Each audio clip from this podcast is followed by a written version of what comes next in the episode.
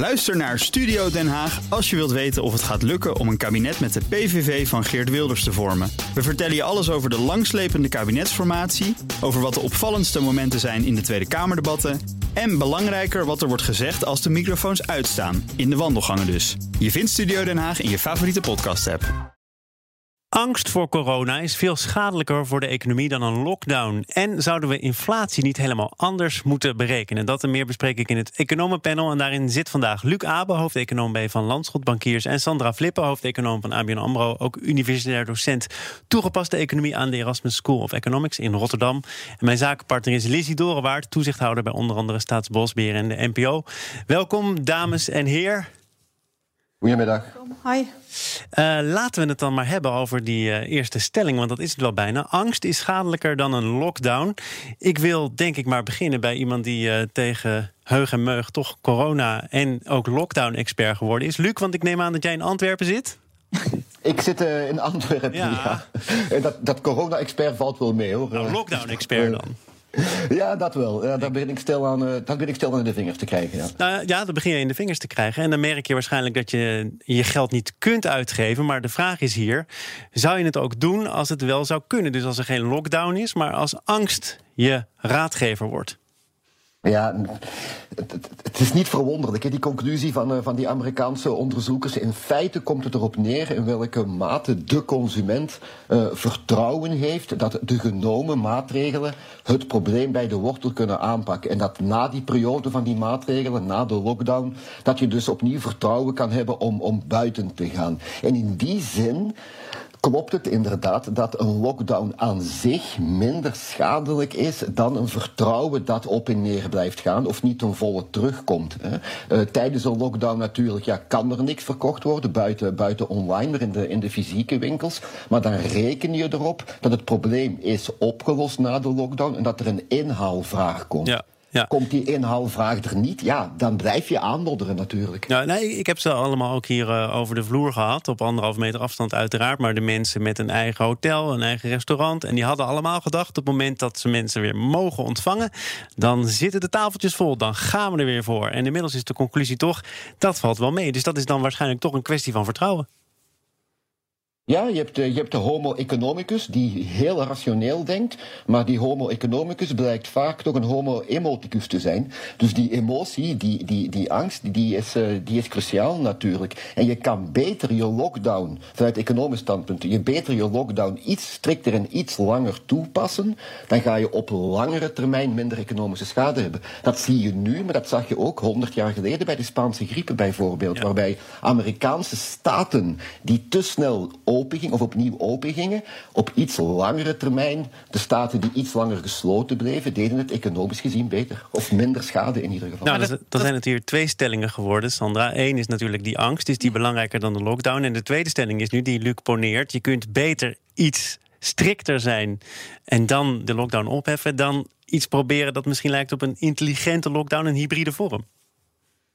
Ja, dat, dat is interessant. Ik denk dat um, hier spelen inderdaad wel twee verschillende dingen volgens mij. Dus uh, er was volgens mij al vrij lang, al, eigenlijk aan het begin van de lockdown, was er consensus, inderdaad ook op basis van eerdere pandemieën, dat um, uh, beter is het om, uh, zeg maar, laat ik zo zeggen, op de, op de lange termijn is ingrijpen tegen het virus ook economisch het meest verstandig. Um, de discussie alleen waar, waar zeg maar deze nieuwe studies over gaan, is van wat gebeurt er op de korte termijn. En, en daar is het toch wel heel spannend geweest om deze resultaten te lezen. En wij hebben zelf uh, ook onderzoek in Nederland hiernaar gedaan. Um, want, want het punt is natuurlijk de, de lockdown die ontstond. En um, ja, uh, heel veel ondernemers en, en iedereen die zeg maar, uh, zijn baan dreigde kwijt te raken... of zijn omzet dreigde te verliezen of verloor... die had natuurlijk het idee van verdorie, dat komt door die lockdown. En, um, en dat is heel begrijpelijk. Maar de grote vraag die voor economen heel spannend is... is van, hé, hey, wacht even, wat was er gebeurd zonder zo'n lockdown? En, um, en daar zien we nu van dat de meeste studies komen dus uit Amerika... want daar hadden de verschillende staten een verschillende strengheid en de, en de verschillende timing van die lockdown. En daar zie je dus dat, dat uh, ja, dus doordat die, die, uh, die staten van elkaar verschillen, En ze met Google Mobility Data ze precies de consumentenuitgaven konden en, en de locaties van mensen konden weergeven, zagen ze dat in staten waar de dat, laten we zeggen, zagen ze dat, dat um, van de consumptieterugval, die wel tot 60% terugviel, dat slechts 7% daarvan voortkwam uit lockdown-maatregelen.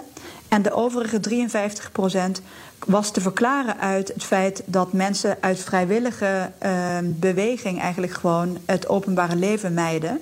En dus de winkelstraat. Um, en, en in Nederland is dat natuurlijk heel anders, want we hebben in Nederland overal dezelfde lockdown gehad in zekere zin. Maar wat wij hebben gedaan, we hebben met transactiedata juist gekeken naar. Zien we in gemeentes waar um, meer mensen besmet zijn geraakt met het virus, uh, zien we dan dat consumenten in die gemeentes ook um, ander consumptiegedrag, dus voorzichtiger zijn geworden. Uh, dan uh, mensen in gemeentes waar minder besmettingen zijn geweest. En dat is ook interessant. Je meet eigenlijk hetzelfde, maar dan omgedraaid. Ja. Omdat je, ja, de, de lockdown is overal hetzelfde. Dus het enige verschil is, lezen mensen in de krant of via kennissen over dat het virus uh, meer of minder aanwezig is. en Hillegom is dan een voorbeeld dat, uh, dat oppopt bij veel mensen. Hè. Er was uh, sprake van een besmettingshaard in een kroeg, in een café. en, en het gevolg was, het was weer doodstil in Hillegom. Ja. ja, het werd een lokale recessie eigenlijk in Hillegom. Ja. Nou, dan zijn er ook andere gemeentes waar we diezelfde patronen zien. Um, maar de, um, ja, dus dat, is eigenlijk het patroon. Dus als je, uh, uh, je, je ziet dat op het moment dat, dat uh, de, de, aanwezigheid van het virus zeg maar, om zich om zich heen gaat, en dat, is, uh, dat wordt bekend, want veel gaat toch via de media, ja, dan zijn uh, de mensen in die omgeving veel voorzichtiger in hun consumptie dan uh, mensen die wonen waar het, waar het niet plaatsvond. Dat is eigenlijk heel logisch. Ja, Sandra, mag ik wat vragen? Ja, want je nam Amerika Zeker. als voorbeeld, maar als je kijkt naar Europa, dan hebben wij toch met een relatief lichte lockdown, hebben wij economisch een, het minste schade ondervonden, min 8 procent, terwijl de, of minstens zeven zoveel. Terwijl de landen om ons heen met strengere lockdowns een slechtere prestatie op economische eh, recessie ja, ja, kregen. Dat, ja, dat klopt. Dat, dat, dat zien we inderdaad. Daar hebben we ook um, verschillende onderzoeken naar gedaan. Maar, maar het punt is dat um, het is inderdaad zo dat landen met strengere lockdowns die langer duurden, hebben meer economische schade. Ja. Maar je weet natuurlijk niet, en daarom zijn die studies zo interessant, je weet niet of die langere lockdown het gevolg is van een erger, ergere uh, virusinfectie. Of dat virus ergens om zich heen heeft gegrepen. Want dat virus kan zowel die strenge lockdown als die consumptieschade verklaren. Ja, dan, dan en kan het je leuke ook van dit onderzoek is dat je dat uit elkaar trekt. Ja, maar dan kan je ook de gegevens in Amerika toch niet uh, vertrouwen. Want je weet ook niet hoe zwaar daar de ziekte was. Of heb je dat wel Zeker wel, want okay. uh, de, er zijn uh, hele lokale data over, okay. uh, over de besmettingen. Ja. En, uh, Luc, toch nog even naar jou, ook om, omwille van waar je zit, namelijk Antwerpen. dat is toch een beetje een knipperlicht. Hè? Daar gaan we weer en dan mogen we er weer uit, dan gaan we er weer in. Wat is nou een goed moment om, zoals Kees de Kort het mij zou zeggen, het zijn veilig te geven? He, want je had het net over, je kunt beter wat strenger handhaven, wat strikter zijn in je lockdown en dan zeggen, oké, okay, het kan weer. Maar wat zou dan zo'n moment zijn? Goh, dat, dat, dat moeten virologen bepalen ja. natuurlijk. Hè. Uh, je kan dat, je, er wordt heel vaak wordt er gesproken over 20 besmettingen per, per, duizend, per duizend inwoners of per duizend mensen. Maar dat is iets voor, voor, ja. voor virologen. Maar ik denk dat het belangrijk is dat je vanuit het beleid, ook het economisch beleid of met economische gevolgen, dat je een duidelijke, een duidelijke boodschap geeft um, en dat je ook een bepaald perspectief geeft. Hè. Want economie gaat over mensen. Mensen zijn ratio, maar ook heel veel vertrouwen. Dat vertrouwen kan er maar zijn als je een bepaald, uh, bepaald perspectief geeft en een bepaald pad dat, uh, dat bewandeld moet worden. Maar wat daar precies uh, het, het, startschot mag geven, dat is aan, aan de, aan de virologische Nou, laat ik dan een wat meer economische vraag stellen, want het is inderdaad terecht het economenpanel. Ik, ik, ik, las vandaag nog een bericht van, van individuele OMT-leden die nu overwegen om een soort van beschermwal te plaatsen bij mensen die ouder zijn of kwetsbaar zijn. Met de gedachte, dan kan de economie voor de rest van Nederland gewoon doordraaien. Is dat dan iets wat vertrouwen inboezemt, Luc? God, dat, dat, ook dat is eigenlijk nou, weer een, een politieke nou, beslissing. Maar het is wel een vertrouwensvraag. Gaat... Namelijk als je zegt, uh, als opa en oma thuis blijven... Ja. of zwakkeren thuis blijven, dan ga ik de straat op.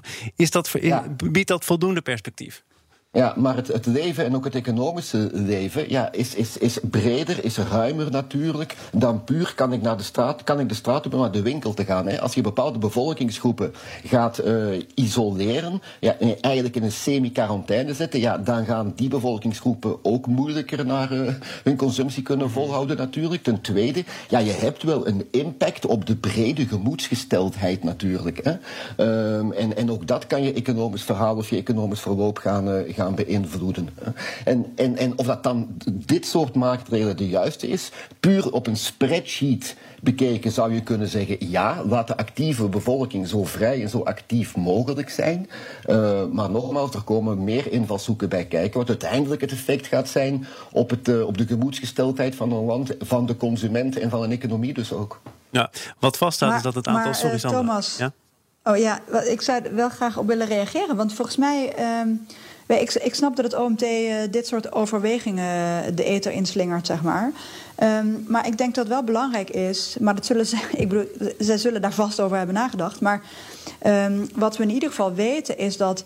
Alhoewel de, de, de kans op ernstig ziek worden onder de niet uh, ouderen, zeg maar, of niet uh, chronisch zieken, dat die veel lager is.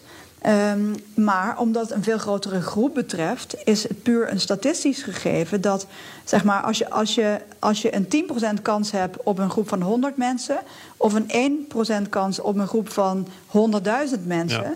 dan is ook hm. bij die groep van 100.000 mensen met een hele lage kans, worden er toch heel veel mensen uiteindelijk ziek en raken die ziekenhuizen toch overbelast.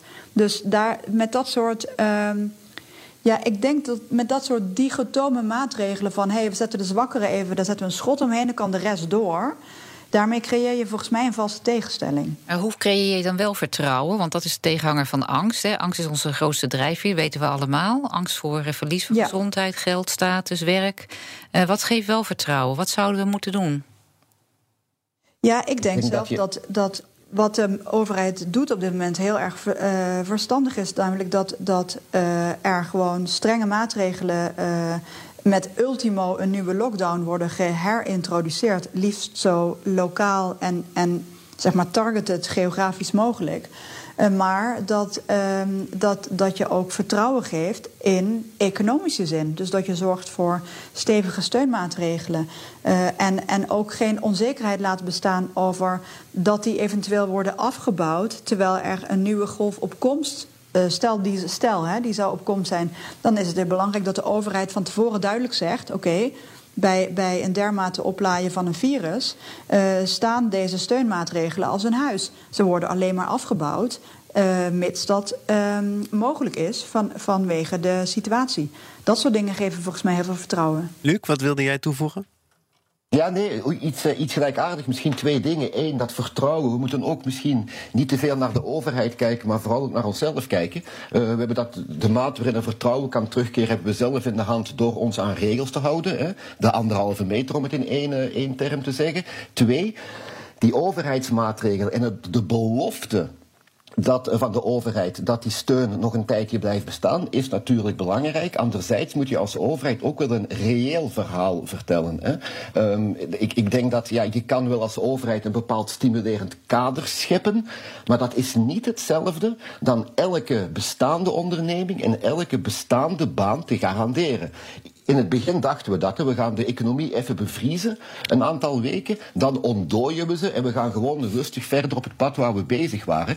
Ik denk dat er in, in heel veel sectoren.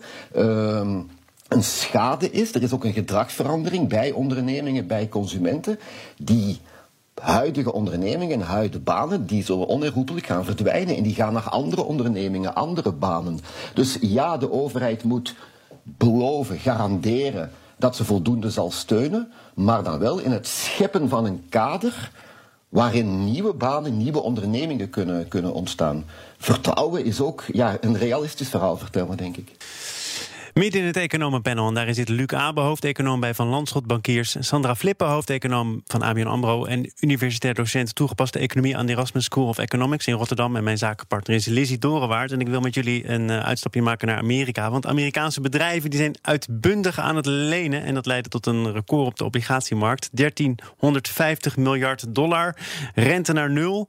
Uh, Luc, aan jou een simpele vraag. Wat, wat doen al die bedrijven met al dat geld? Uh, dat is niet alleen in de Verenigde Staten trouwens zo. Dat is ook in, in Europa zo. En op de obligatiemarkt. En ook bij banken. Hè, als je.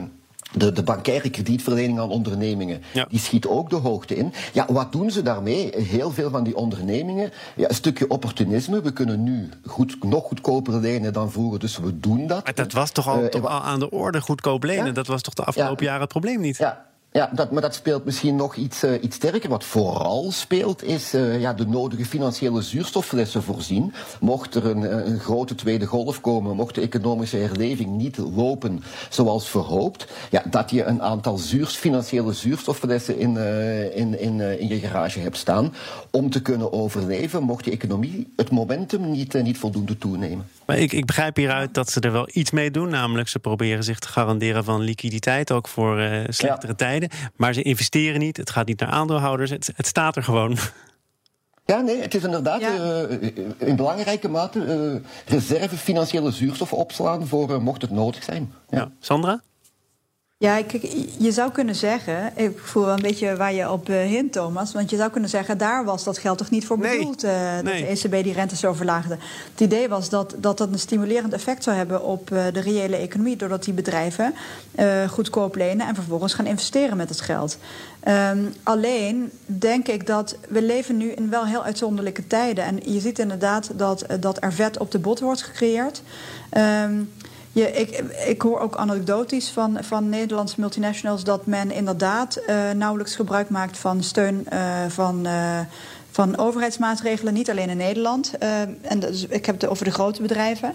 Um, en, en dat men eigenlijk zijn omzetverlies zit te managen door de kosten te snijden. En dan met name inderdaad nieuwe projecten, investeringen en, en al dat soort zaken eventjes on hold te zetten. Um, en ja, in principe is dat natuurlijk heel slecht nieuws. Het zou veel beter zijn als die bedrijven de steunmaatregelen wel zouden nemen. En, um, en, en eventueel nog obligaties uitgeven. Maar dat ze daar zowel wat vet op de bot mee uh, creëren, wat, wat niet slecht is, maar ook die investeringen proberen ja. te blijven Want laten alles doorgaan. waar economie van gaat groeien uh, in het algemeen, dat wordt aangenomen, innovatie, investeringen, investeren in mensen, dat blijft achterwege. Ja, maar het is, kijk, het is, het is niet zo eenvoudig. Want we zijn, het zijn ook wel hele bijzondere tijden. Want ik denk dat veel bedrijven zich op dit moment ook afvragen: uh, wat, gaan de, waar, hoe, wat voor structurele verschuivingen gaan er in de economie plaatsvinden uh, door en na deze pandemie? En, uh, en wat is dan de richting en waarin moet ik dan investeren? En we zitten een klein beetje in een soort pauzesituatie. Want uh, het is niet zo zeker uh, wat erna, als er een vaccin is, wat is daarna de richting van, uh, van, de van verschillende economische trends. En je ziet dat, dat trendsbureaus en allerlei ja, bedrijven die zich specialiseren in, in grote. Vraagstukken rondom structuurverschuivingen en, en dat het speelveld verandert, die, hebben, die bloeien nu enorm, omdat ja, iedereen wil weten. Wat gaat er gebeuren ja. na deze pandemie? Maar dan doe je dus en, even niks, dan blijf je even zitten. Weten, investeren ja. niet. Nee, nee. Is, dat, is het inderdaad een pauzesituatie? En, en kun je dus bedrijven ook niet heel erg kwalijk nemen... dat ze niet groots investeren in, in allerlei innovaties? Luc? Ja, nee, tuurlijk. Hè. Bedrijven is ook een verzameling mensen. Hè. En we hadden het net over de consument, uh, die, die, die uh, wat vertrouwen ontbreekt, die uh, soms een beetje de visie of het perspectief mist. Ja, hetzelfde is voor, voor bedrijven zo. Wat je wel ziet, moeten ook niet te pessimistisch zijn. Als je kijkt in Europa en in de Verenigde Staten bijvoorbeeld, de, de orders voor kapitaalgoederen, voor machines, zeg maar, die vaak toch een indicatie zijn van de investeringsbereidheid bij ondernemingen, ja, dat begint toch langzaam terug op te lopen. Hè. Dus ja, ondernemingen zijn voorzichtig, maar het is niet zo dat er niemand aan het investeren is. Sommige plannen worden wel degelijk uit de koelkast gehaald. En als je leent, dan is dat uiteindelijk een schuld. Dus wordt de schuldenberg uh, groter, hoger. Iets waar naar het einde van de vorige crisis ook stevig op gelet werd. Dat nooit meer. Het moet allemaal wel beheersbaar blijven. Sandra, is het nu nog beheersbaar? Uh, ik denk dat het uh, zeker beheersbaar is. Uh, dat heeft ook te maken met die hele lage rente. Ehm, het is een interessante vraag die, ja, waar, waar ik zo 1, 2, 3 het antwoord niet op weet. Um, wat betekent schuld in de toekomst? Want ja, we zitten in een, in een tijd van aanhoudend extreem lage rente. we zitten in een situatie waarin overheden wereldwijd zich helemaal volladen met publieke schulden. Uh, ja, en, en waarin onconventioneel monetair beleid inmiddels helemaal niet meer zo onconventioneel is. En dat verandert toch eigenlijk een heel, heel stel fundamentele vragen over wat is schuld, hoe problematisch is het, wanneer wordt het problematisch. En ja, wij zijn daar uh, druk over aan het nadenken. Ja, Jullie werken alles weer bij een bank trouwens. Hè? Um, we hadden het net over investeringen, dat dat uh, absoluut niet aan de orde is. Of uh, even heel zwart-wit gezegd. Maar jullie als bank kunnen daar toch een enorme rol in spelen? Of ben ik nu te wil simpel? Wil je het even aan Luc vragen? Ik wil het aan Luc vragen. Luc, dan ja. moet het maar van de bank ja, dat komen. Gebeurt. Dat, uh, dat, uh, dat gebeurt ook gedeeltelijk. Hè? Als je kijkt naar uh, wat ik net zei, de kredietverlening aan banken, aan ondernemingen, ook vanuit banken. Ja, ook dat neemt toe. Hè? De ECB heeft bepaalde programma's, teltro's en allerlei lettersoepprogramma's, die, precies, die precies dat als doel hebben. En dat gebeurt ook. Maar gebeurt dat aan een uitbundige op dit moment? Nee. Hè? En dan is het niet zozeer omdat er geen aanbod zou zijn van geld, maar omdat er te weinig vraag is naar uh, investeringskredieten. En als bank kan je dat niet stimuleren. Je hebt toch een relatie met je klanten. Je kan ze toch proberen over de streep te trekken, meer vertrouwen te krijgen, ja, hun angst te overwinnen. Als, uh, ja, als, uh, als, je kan als, de voorwaarden zo, om, zo aantrekkelijk mogelijk maken, maar je kan een onderneming natuurlijk niet dwingen om een investering te gaan doen. Nee. Uh, wat je wel kan nou, doen is uh, naast een onderneming gaan zitten. En dat doen we ook heel veel met heel ja, tallo, talloze klantgesprekken. Is dat je probeert samen met bedrijven te gaan nadenken over uh, wat dit allemaal betekent en uh, hoe, zich, hoe ze zich weerbaar kunnen maken in, in deze situatie. En, en wat daarvoor nodig zou zijn.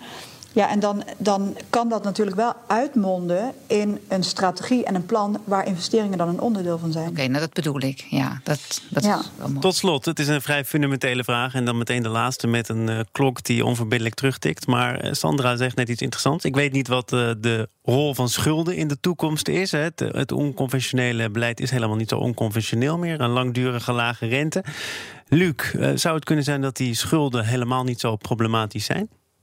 Dat, dat, dat zou kunnen. Hè. Ik begrijp de vragen en de onzekerheden die, uh, die Sandra formuleert. Hè. Uh, we hebben eigenlijk dat onconventionele uh, beleid van centrale banken. Dat was een tijdelijke maatregel vanaf 2008. Nu, vaak is niks zo permanent als een tijdelijke maatregel. En dat is de voorbije jaren gebleken. En met nu wat de, het activistische beleid van centrale banken, of nog activistischer dan vanaf 2008, 2009, maakt wellicht dat dat inderdaad een blijvertje is. En dat je schulden op een andere manier moet bekijken dan vroeger. Daarnaast, hè, je hebt je volume van schulden, maar de, de, de rente is een heel eind lager. Dat maakt die schulden makkelijker om dragen. En wat je ook ziet is dat de gemiddelde looptijd van bijvoorbeeld zo'n bedrijfsobligatie, zo'n bedrijfsschuld, ja, die wordt alsmaar langer gerokken. Mm. Bedrijven financieren en herfinancieren zich op iets langere termijn, zodanig dat ze zeker zijn van de huidige voorwaarden. Gaat dat nooit een probleem vormen? Terechte, terechte vraag, terechte bedenking. Maar op de kortere termijn, de komende jaren, bijvoorbeeld wegens die lange looptijden, ja, is de kans daarop minder dan je zou denken als je naar puur het volume aan schulden kijkt. Dank voor jullie bijdrage aan het uh, Economenpanel. Ook Thomas van Zeil vind je in de BNR-app. Je kunt live naar mij luisteren in Zaken doen. De BNR-app met breaking news, het laatste zakelijke nieuws... en je vindt er alle BNR-podcasts, bijvoorbeeld Het Nieuwe Geld. Download nu de gratis BNR-app en blijf scherp.